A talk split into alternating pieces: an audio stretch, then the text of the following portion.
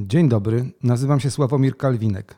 Zaczynamy kolejny odcinek filmowych migawek podcastu produkowanego w Wytwórni Filmów Oświatowych, realizowanego razem z Akademickim Ośrodkiem Inicjatyw Artystycznych w Łodzi i studentami łódzkiego filmoznawstwa z tutejszego uniwersytetu. To jest podcast WFO. A w tym odcinku poznamy nowy film, nowy, bo jeszcze nieobecny na ekranach, pod tytułem Na zawsze melomanii.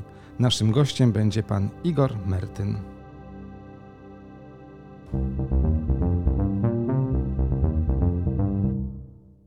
Dzień dobry, Igorze.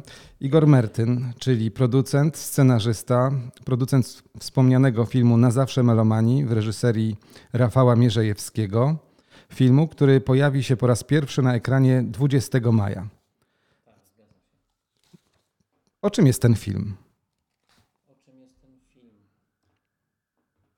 Łatwe wydawałoby się i, i zarazem trudne pytanie, ponieważ film ma wiele wątków, ale najprościej, jak można powiedzieć, to jest to film o muzyce, muzyce jazzowej i o zespole Melomanii, który był łódzko-krakowskim zespołem. To w tak w dwóch zdaniach i w takim telegraficznym skrócie. Na zawsze melomanii. Co oznacza ten tytuł? Dla ludzi, którzy nie są do, dobrze, nie orientują się dobrze w historii muzyki rozrywkowej w Polsce, a w szczególności tej muzyki, która była tworzona w Łodzi, ten tytuł jest nieco enigmatyczny. Co on oznacza?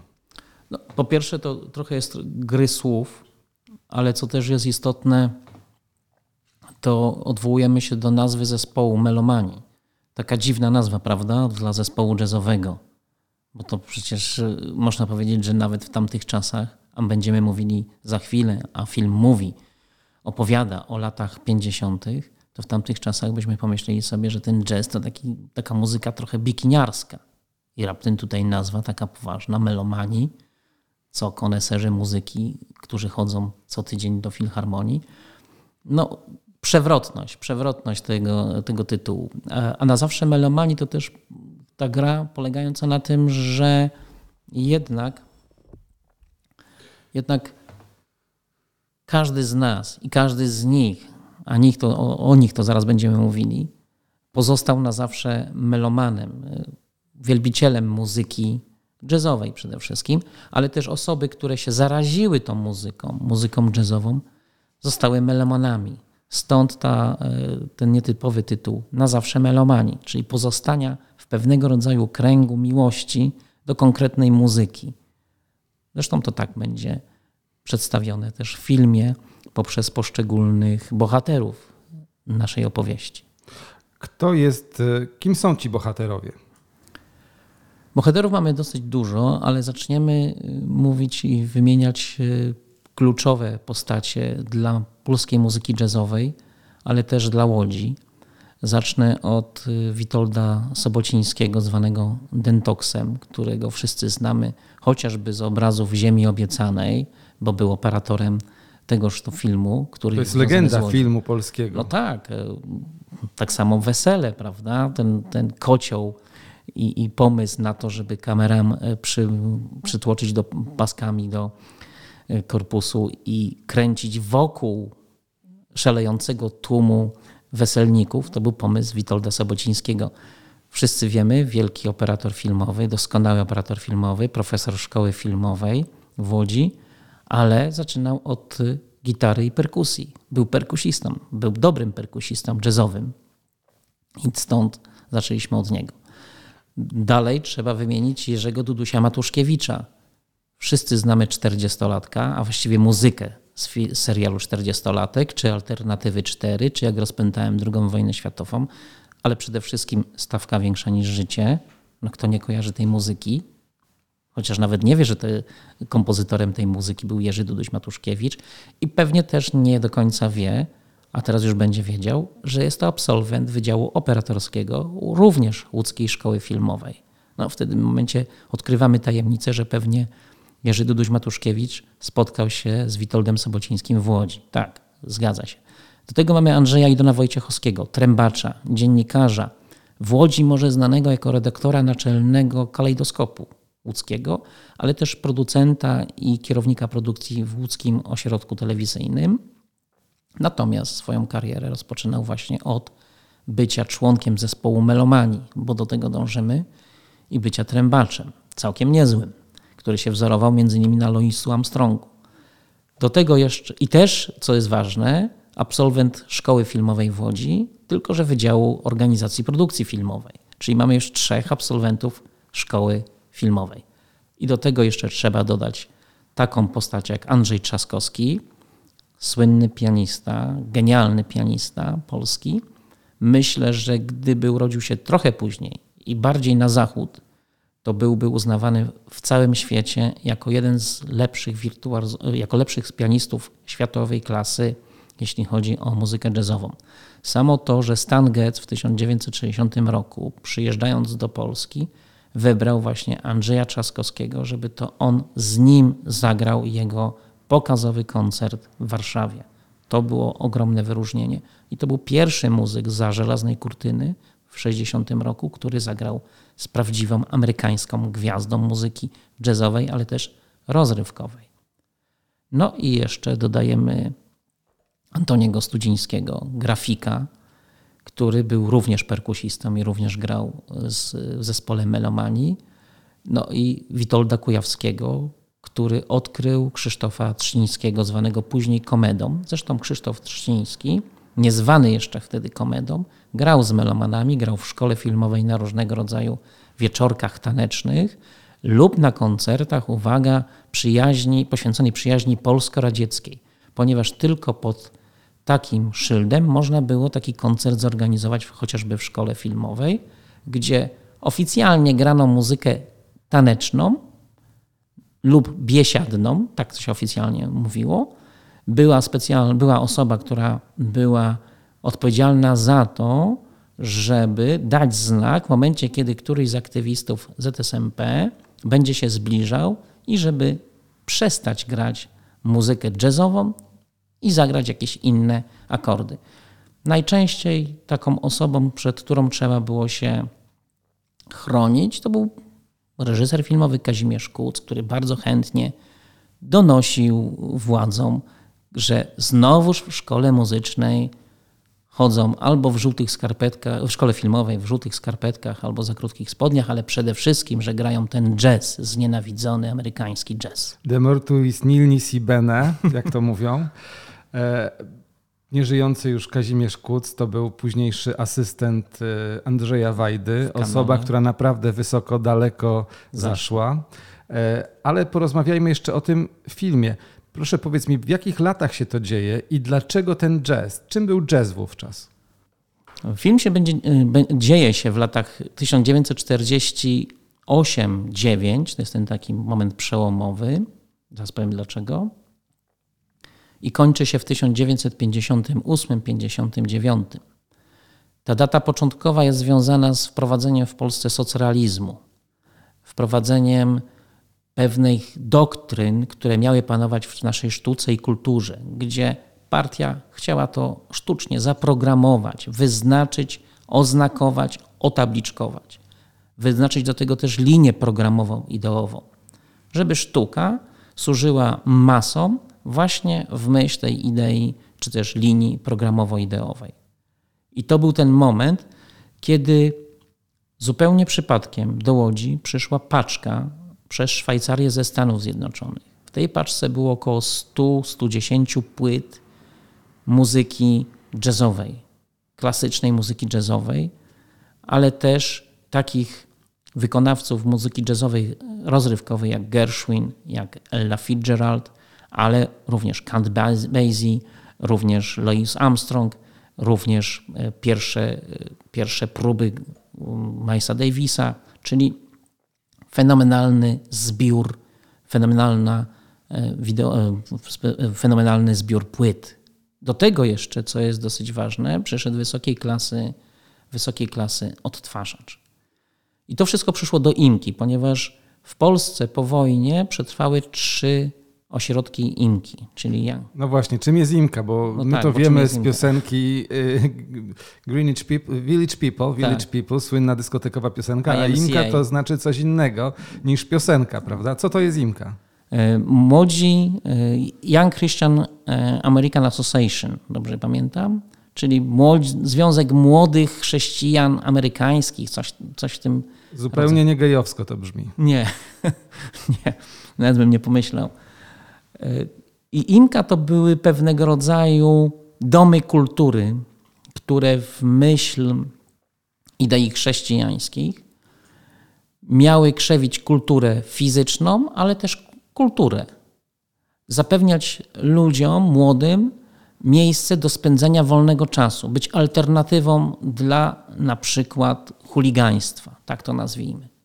I wówczas w Imkach, przed wojną jeszcze, tworzyły się różnego rodzaju ogniska taneczne, muzyczne, plastyczne. Czyli dzisiaj byśmy powiedzieli, że jest to ewidentnie dom kultury. I trzy imki, jeżeli tak można powiedzieć, przetrwały po wojnie. Była właśnie imka w Warszawie, która się zachowała, co było fenomenem.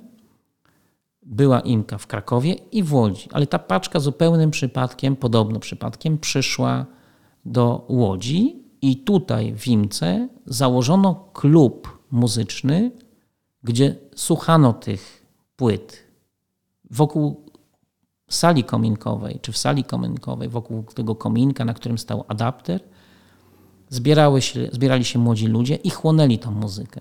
I to był ten przełom.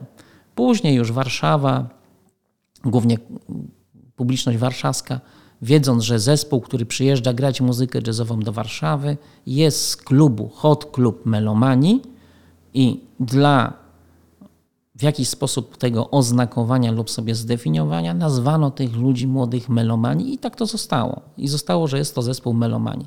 Ale to jest ten moment y, przejściowy, moment y, przełomowy, kiedy właśnie z klubu jazzowego, muzycznego zaczął się wytwarzać, wykształcać zespół muzyczny jazzowy. To jest film o pewnym zjawisku kulturowym, o muzyce, ale też o mieście, o miejscu. Dlaczego akurat o Łodzi? No, pytanie chyba proste, albo już nawet odpowiedzieliśmy na to. Y, Dlatego o Łodzi, ponieważ zespół powstał tu w Łodzi, też chyba z przypadku, bo łodzianinem był tylko Andrzej Idon Wojciechowski. Witold Sobociński był z Ozorkowa, urodził się w Ozorkowie i przeprowadził się z rodzicami do Łodzi. Tutaj się dostał do szkoły filmowej, a wcześniej jeszcze był w szkole zawodowej ślusarskiej, co też jest niesamowite. Kto by pomyślał, ale ta wiedza mu się przydała później na planach filmowych. I Antoni Studziński to byli jedyni łodzianie. Jerzy Duduś Matuszkiewicz urodził się w Jaśle, później był, mieszkał w Lwowie ze swoimi rodzicami. Z Lwowa musieli się przenieść do Krakowa. W Krakowie skończył szkołę średnią, a w momencie, kiedy się dostał do szkoły filmowej, przyjechał do Łodzi. Więc tu mamy Krakusa. Witold Kujawski, odkrywca komedy, również mieszkał w Krakowie, chociaż sam urodził się w Ostrowcu. No i mamy jeszcze postać y, Andrzeja Trzaskowskiego, który również y, urodził się w Krakowie, mieszkał w Krakowie, natomiast y, w związku z represjami i aferą dotyczącą ulotek, które szeroko opisuje właśnie IPN o akcji tak zwanego niepodległościowego harcerstwa, Andrzej Trzaskowski był zmuszony, żeby wyjechać z Krakowa. Nie dostał się do, na, sz- do szkoły na Uniwersytet Krakowski, Jagielloński, przepraszam, na Wydział Muzyczny, bo wtedy zdawał na Wydział Muzyczny. Był zobowiązany, żeby podjąć pracę. Nie dostał się dlatego, ponieważ uważano, że był kolporterem ulotki o treści Ludzie nie siedźcie na filmach e, związk, produkcji Związku Radzieckiego, ponieważ są to filmy marne i to była cała antypaństwowa działalność i obalanie socjalizmu. Poniósł konsekwencje tego właśnie, że przez trzy lata nie mógł zdawać do, na wyższą uczelnię. Dopiero po trzech latach zdawał na Uniwersytet Jagielloński na Wydział Muzyczny, do którego się w końcu dostał, upragniony jego. I przyjechał do Łodzi. Właśnie z Witkiem Kujawskim przyjechali do Łodzi. Czyli ta mieszanka łódzko-krakowska i te płyty spowodowała, że to tutaj powstał ten zespół. To tutaj mieli próby, bo mieli próby na Kilińskiego 43 w mieszkaniu, w mieszkaniu właśnie Witolda Sobocińskiego, właściwie jego rodziców. Tutaj stawiali pierwsze kroki, grając różne hałtury po cichu w restauracji Halka na Moniuszki. W Wimce na Moniuszki się spotykali. Natomiast w związku z tym, że tak jak powiedziałem, trzech członków melomanów było studentami szkoły filmowej w Łodzi, zaczęły się tańce i bale y, właśnie w szkole filmowej. Co możemy chociażby zobaczyć w filmie Rozbijemy zabawę Romana Polońskiego, gdzie melomani grali w tym filmie nie tylko na instrumentach, ale też grali aktorsko i brali w nim czynny udział przy jego produkcji. A może byś jeszcze nas y, uraczył jakąś anegdotą związaną z tym filmem, bo postaci, o których wspomniałeś, to są legendy polskiej kultury, nie tylko kinematografii. Ludzie, y, który, którzy są szeroko znani. Mhm. Czy dowiedzieliśmy się czegoś z tego filmu, czego wcześniej nie wiedzieliście? E, anegdotę mam pod ręką, ale akurat nie jest może e, ta anegdotka taką przypowiastką, która by była e, strasznie nowa i odkrywcza, że dopiero, dopiero odkryliśmy ją w czasie traktowania filmu. Owszem, odkryliśmy parę różnych historii i faktów dzięki naszym rozmówcom, które były mało znane albo w ogóle. Natomiast anegdotka, która przychodzi mi do głowy, to jest anegdotka o świętej pamięci Jerzym Gruzie. I tutaj powiemy o zmarłych dobrze. To była historia niesamowita, ponieważ Jerzy Gruza, który był miłośnikiem i przyjacielem zespołu melomanów, absolwent Wydziału Reżyserii, wówczas student, pojechał na cykl koncertów nad morze do Ustronia Morskiego, gdzie melomani grali codziennie muzykę jazzową. Najpierw grali do konsumpcji, do dorsza. To były czasy, kiedy mówiono, że jedźcie dorsze gówno gorsze. W związku z tym Jerzy Gruza jako miłośnik jazzu i wiedział o tym, że melomani wieczorami będą mieli specjalne koncerty jazzowe. Tam się zadekował, pracując dla miejscowego fotografa i robiąc zdjęcia dzieciom i rodzicom z takim dużym, dmuchanym krokodylem produkcji ZSRR, gumowym. I to było jego źródło utrzymania w Ustroniu Morskim przez dwa miesiące. I byłoby wszystko pięknie, bo miałby pieniądze na, na kwaterę i, i na e, wyżywienie, ale też na coś więcej, szczególnie wieczorami z zespołem melomanów. Gdyby nie jakaś dwójka szaleńców, która postanowiła na kajaku uciec do kraju kapitalistycznego, bo jesteśmy w Ustroniu Morskim. Wyobraźmy sobie, że jest plaża. Codziennie ta plaża jest rano e, bronowana, idzie żołnierz, koń, mamy bronę, ona jest zamiatana.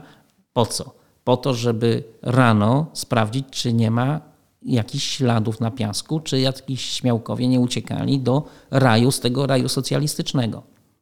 Więc mamy taki absurd. Ale gdzie uciekać? Do Szwecji czy na Bornholm, do Danii? No właśnie mamy dwie dwa kierunki. Szwecja i Bornholm. Na kajaku na przykład. I tych dwój, dwójka tych śmiałków rzeczywiście uciekła, ale ich niestety złapali. Gdzieś ich w połowie drogi złapali. Oni dzielnie wiosłowali do, na Bornholm, ale go do ich złapali. No i wtedy w tym momencie, ponieważ władza w ogóle komunistyczna w tamtych czasach określając Ustronie Morskie jako pas nadgraniczny, jeszcze pamiętajcie Państwo, Ustronie Morskie y, całkiem niedaleko od y, koło brzegu to są ziemie odzyskane, to jest Pomorze Zachodnie. Władza określiła też czas wypoczynku, można było być na plaży do godziny 20. I w związku z tym władza y, kontrolowała dosyć, dosyć ściśle ten pas e, nadgranicznego, ten pas nadgraniczny, żeby żaden właśnie z tych śmiałków nie uciekł czasem z tego naszego socjalistycznego raju, a tutaj dwóch uciekło. No i teraz Jerzy Gruza jako, jako osoba, która porusza się po tym pasie nadgranicznym za dnia, robiąc te zdjęcia, okazało się, że on się porusza nie z krokodylem, tylko z jednostką pływającą. Ponieważ w, w miejscowe władze milicyjne określiły, że Trzeba zarekwirować po tym incydencie wszystkim mieszkańcom, jak i turystom i osobom pracującym wszystkie jednostki pływające. Kajaki, łodzie, krokodyle, materace. dmuchane. Palie, miski. Też, też. Też o tym mówię. I co się stało? Y, Pan, e, pan Jerzy Gruza, przyszły reżyser, między innymi 40-latka, był poproszony na komendę miejscowej milicji obywatelskiej. Miał godzinną pogadankę i wykład na temat wyższości ustroju socjalistycznego nad wystrojem e, kapitalistycznym. Chodziło o to, że jak ktoś jedzie do tego kapitalistycznego kraju, to to, żeby te, może tam jakieś zalety są, ale żeby te zalety nam nie przysłaniały czasem tych wad. No i co jest ważne, że trzeba zarekwirować wszystkie jednostki pływające. Krokodyl został uznany za jednostkę pływającą, w związku z tym komendant miejskowej, miejskiej milicji zabrał korek. Zabrał korek, który był rzeczą deficytową w tamtym czasie i pan Jerzy Gruza niestety już nie mógł zarabiać chodząc po plaży z tym krokodylem. To przykra historia. zdjęcia. Bardzo. przykre, bo ponieważ pan Jerzy Groza już nie mógł w ten sposób zarabiać, bo nikt nie chciał się fotografować z takim flakiem. Musiał nakręcić 40-latka. No a wcześniej dzięcioła. E, To bardzo, bardzo pouczająca historia. My za chwileczkę wrócimy do naszej rozmowy, a póki co przerwa reklamowa.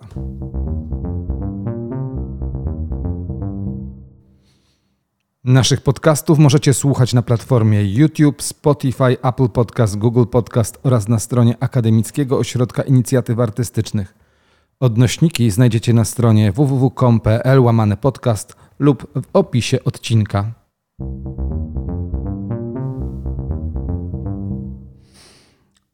Czy to jest film, film pod tytułem Na zawsze melomanii, o którym tutaj rozmawiamy, w reżyserii Rafała Mierzejewskiego? Czy to jest film o świecie, którego już nie ma?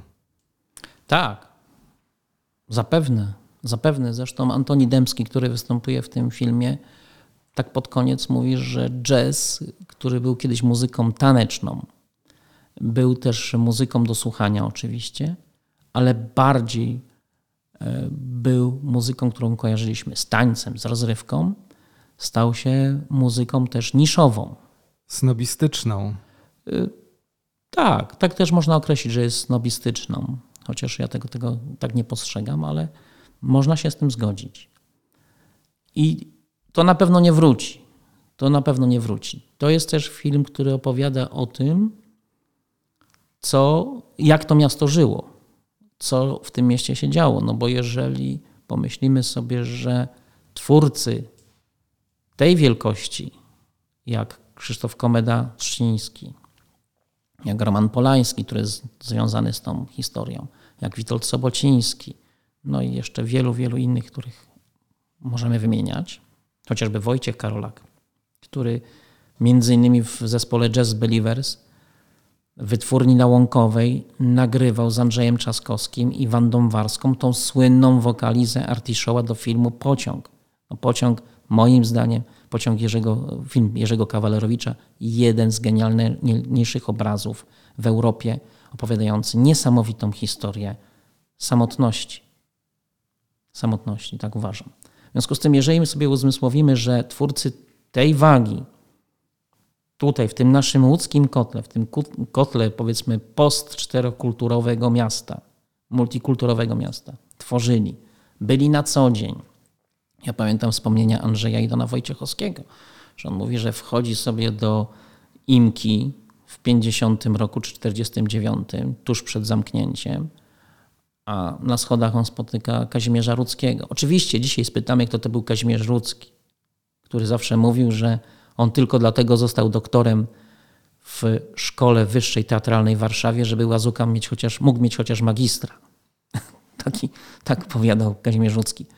Albo Sempolińskiego, lub też, lub też y, Irenę Kwiatkowską, Adolfa Dymszę. Adolf Dymsza nie występował nie tylko na scenie Jaracza, ale również miał specjalne pogadanki, specjalne swoje wieczory autorskie, chociażby właśnie w Imce. No i teraz jak myślimy sobie, że ci ludzie tutaj się kręcili, tworzyli tą naszą kulturę łódzką, obojętnie już pomijając jaki bagaż ona miała jeszcze sprzed wojny i tego, i jak to miasto wyrosło z tej ziemi obiecanej, to jednak można śmiało powiedzieć, że była to też stolica kulturalna Polski. Nie tylko Kraków, nie tylko Warszawa, która się wtedy odradzała, ale również Łódź. To jest dosyć istotne. To jest dosyć ważne. I tego, tego faktycznie już w tej chwili nie możemy dotknąć. To jest, na, na, zarysowałeś przed nami taki obraz, e, obraz świata, ale jak to się ma do obrazów, które są zawarte w filmie, obrazu na ekranie? E, skąd wziąłeś te materiały, które e, ilustrują historię opowiedzianą? Pierwszy to archiwalia. Archiwalia własne, ponieważ tu trzeba powiedzieć jedną rzecz że nad tym filmem pracowaliśmy od 2016 roku, jeszcze za życia Witolda Sobocińskiego, jeszcze za życia Andrzeja Wojciechowskiego, Jerzego Gruzy. I to był ten pierwszy moment, kiedy pewne elementy, materiały archiwalne gromadziliśmy. Druga, no to kwerendy, które, które odbywaliśmy. To jest poszukiwanie archiwów e, Wytwórni Filmów Oświatowych. To jest poszukiwanie archiwów Państwowej Wyższej Szkole Filmowej. Bo teraz przypomnę, my musieliśmy się cofnąć do lat 50., właściwie końcówki lat 40. i 50., kiedy opowiadamy, zaczynamy swoją opowieść o filmie, o zespole Melomanii. To jest e, różnego rodzaju są zdjęcia archiwalne, które wydawało nam się przepadły, ale po takiej pracy reporterskiej, dokumentalistycznej udało się część znaleźć, odtworzyć, chociażby między innymi w archiwach Antoniego Studzińskiego, czyli perkusisty, żyjącego jeszcze perkusisty zespołu Melomanów, ostatniego Mohikanina. Również w prywatnych zbiorach Witolda Sobocińskiego, Andrzeja Wojciechowskiego, również y, prywatne, jakieś zachowane zdjęcia u państwa kujawskich. Te elementy, te, ta mozaika różnych źródeł, chociażby zarchiwizowanych, zdigitalizowanych mm, miesięczników jazz z lat 50., które są w naszej bibliotece wojewódzkiej przy ulicy Gdańskiej, gdzie byłem oczarowany tym, ile materiałów udało się zachować i scyfryzować w dobrej jakości w tejże bibliotece. W związku z tym tu mamy kilka źródeł, no i plus jeszcze wytwórnia filmów A właśnie tutaj troszeczkę prywaty, a mianowicie wytwórnia filmów oświatowych, czyli wytwórnia, która istnieje już kilkadziesiąt lat, 70 ponad lat i jest też olbrzymim źródłem wykopiowań archiwalnych do filmów. Tak, tak, to prawda, no bo przecież na przykład my użyliśmy ballady o Łodzi, czy użyliśmy Łódź Miasto Nieznane filmów dokumentalnych z lat 50. To, to, to bardzo dobrze, że to się zachowało że można z tego korzystać, czerpać, ale też czerpać na przyszłość. Obejrzałeś bardzo dużo etiud. Etiud studenckich ze szkoły filmowej, ponieważ rozumiem, że obrazy Łodzi też bardzo dobrze zachowały się w tych etiudach. Tak, i to w takich dziełach jak na przykład Młodzi budują pokój Kiersteina. Albo Petelskich, nie wiem czy tutaj. Nie, Petelscy chyba 22 lipca nakręcili taki film ale też e, Łódź, e, Czerwona Łódź Akademicka, chyba etiuda z 51 roku. Również, znam, znam, bardzo dobre. Również bardzo dobra etiuda filmowa Witolda Sobocińskiego o rybakach. Chyba kręcona gdzieś właśnie w okolicach koło brzegu w 50 bodajże trzecim roku. Faktycznie, właściwie o rybakach, o kaszubach, o, tak bym określił ten, ten, ten obraz. Y, no faktycznie trzeba było przejrzeć etiudy, które są, które są mniej znane, no bo wszyscy znamy Dwaj ludzie z szafą Romana Polańskiego z tego okresu z muzyką komedy. Wszyscy znamy Rozbijemy zabawę, no, znana jest etiuda Lampa, czy, czy Uśmiech zębiczny, czy Jak spadają aniołowie. To, jest wszystko, to są wszystko filmy Romana Polańskiego, tak, który studiował wszystko. w Szkole Filmowej tak w Łodzi. Jest, na Wydziale Reżyserii. Natomiast y, tutaj trzeba było jeszcze poszukać właśnie w tych mniej znanych etiudach, choć y, nie zawsze anonimowych twórców, bo chociażby y, Witold Leczyński, czyli twórca Konopielki albo Żywotu Mateusza, zrobił fantastyczny film z Ewą Morelle, która występuje w tym filmie. Wówczas nazywała się Ewa Frykowska i tutaj pewnie coś więcej e, nasi słuchacze mogą sobie wyobrazić albo przypomnieć. zrobił się ten film Zabawa z muzyką jazzową, z muzyką Ellie Fitzgerald. Oczywiście wtedy nikt nie dbał o prawa autorskie. Jak można by było podsumować e, ten film? Dlaczego warto obejrzeć film, który opowiada o jakichś zamieszłych czasach, o, o, o, świecie, którego już nie ma i na czym polega to połączenie, które być może istnieje? Dlaczego warto przyjść na film? Bo za chwileczkę poproszę Cię o to, żebyś zaprosił na pokaz filmu. Starałem się w tej historii, ponieważ y, historię zacząłem pisać w 2016 roku, scenariusz zacząłem pisać w 2016 roku razem z Andrzejem Wojciechowskim. Andrzej Wojciechowski zmarł w 2018 i zawsze się zastanawialiśmy nad pewnego rodzaju łącznikiem, pomostem. Dla mnie tym pomostem stworzonym w tej historii jest y, rola osoby, która odkrywa tą całą historię, Marcina Bzyka, który to jest wykonawcą takiego utworu wiekopomnego w tej chwili już, też niestety nieżyjącego Jarosława Śmietany, Story of Polish Jazz. I tutaj jest pokazana pewnego rodzaju przemiana Marcina Bzyka, który był raperem, uwaga, hip-hopowcem, zaciąłem się na tym słowie, a pod wpływem całej tej historii, ale też utworu, który wykorzystywał Story of Polish Jazz, poszedł bardziej w kierunku jazzu. I on daje w zasadzie odpowiedź też, dlaczego warto obejrzeć ten film, dlaczego warto wrócić do tych korzeni i jest pewnego rodzaju łącznikiem między światem zamierzchłym, fantastycznym, świetnym, moim zdaniem, a naszym współczesnym światem i naszą współczesną kulturą albo tą kulturą, którą się zajmujemy, bo wszyscy oczywiście doskonale sobie zdajemy sprawę nad komercyjnym wymiarem kultury, ale jest jeszcze cały obszar tej kultury niekomercyjnej, który, nad którą warto się pochylić, ale też się zastanowić, skąd się to wzięło. Bo dzisiaj słyszymy covery pewnych utworów, ktoś komuś mówi, ale to fajne, a nie wie, że to jest cover na przykład jakiegoś utworu z lat 50. czy 60. Na koniec zaproś jeszcze proszę wszystkich naszych słuchaczy na przedpremierowy pokaz filmu. Tak, serdecznie zapraszam do kina Charlie 20 maja 2022 roku, godzina 18. Wejściówki będą do nabycia właśnie w kinie Charlie. Można już od poniedziałku przychodzić, nabywać. Dziękuję Ci serdecznie za rozmowę. Dziękuję również. To był podcast Filmowa Migawka.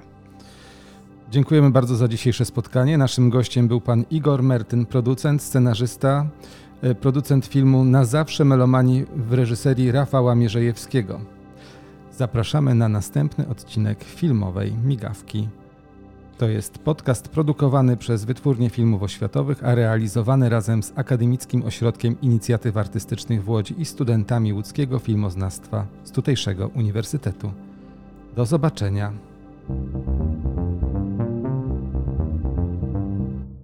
To był podcast Filmowa Migawka.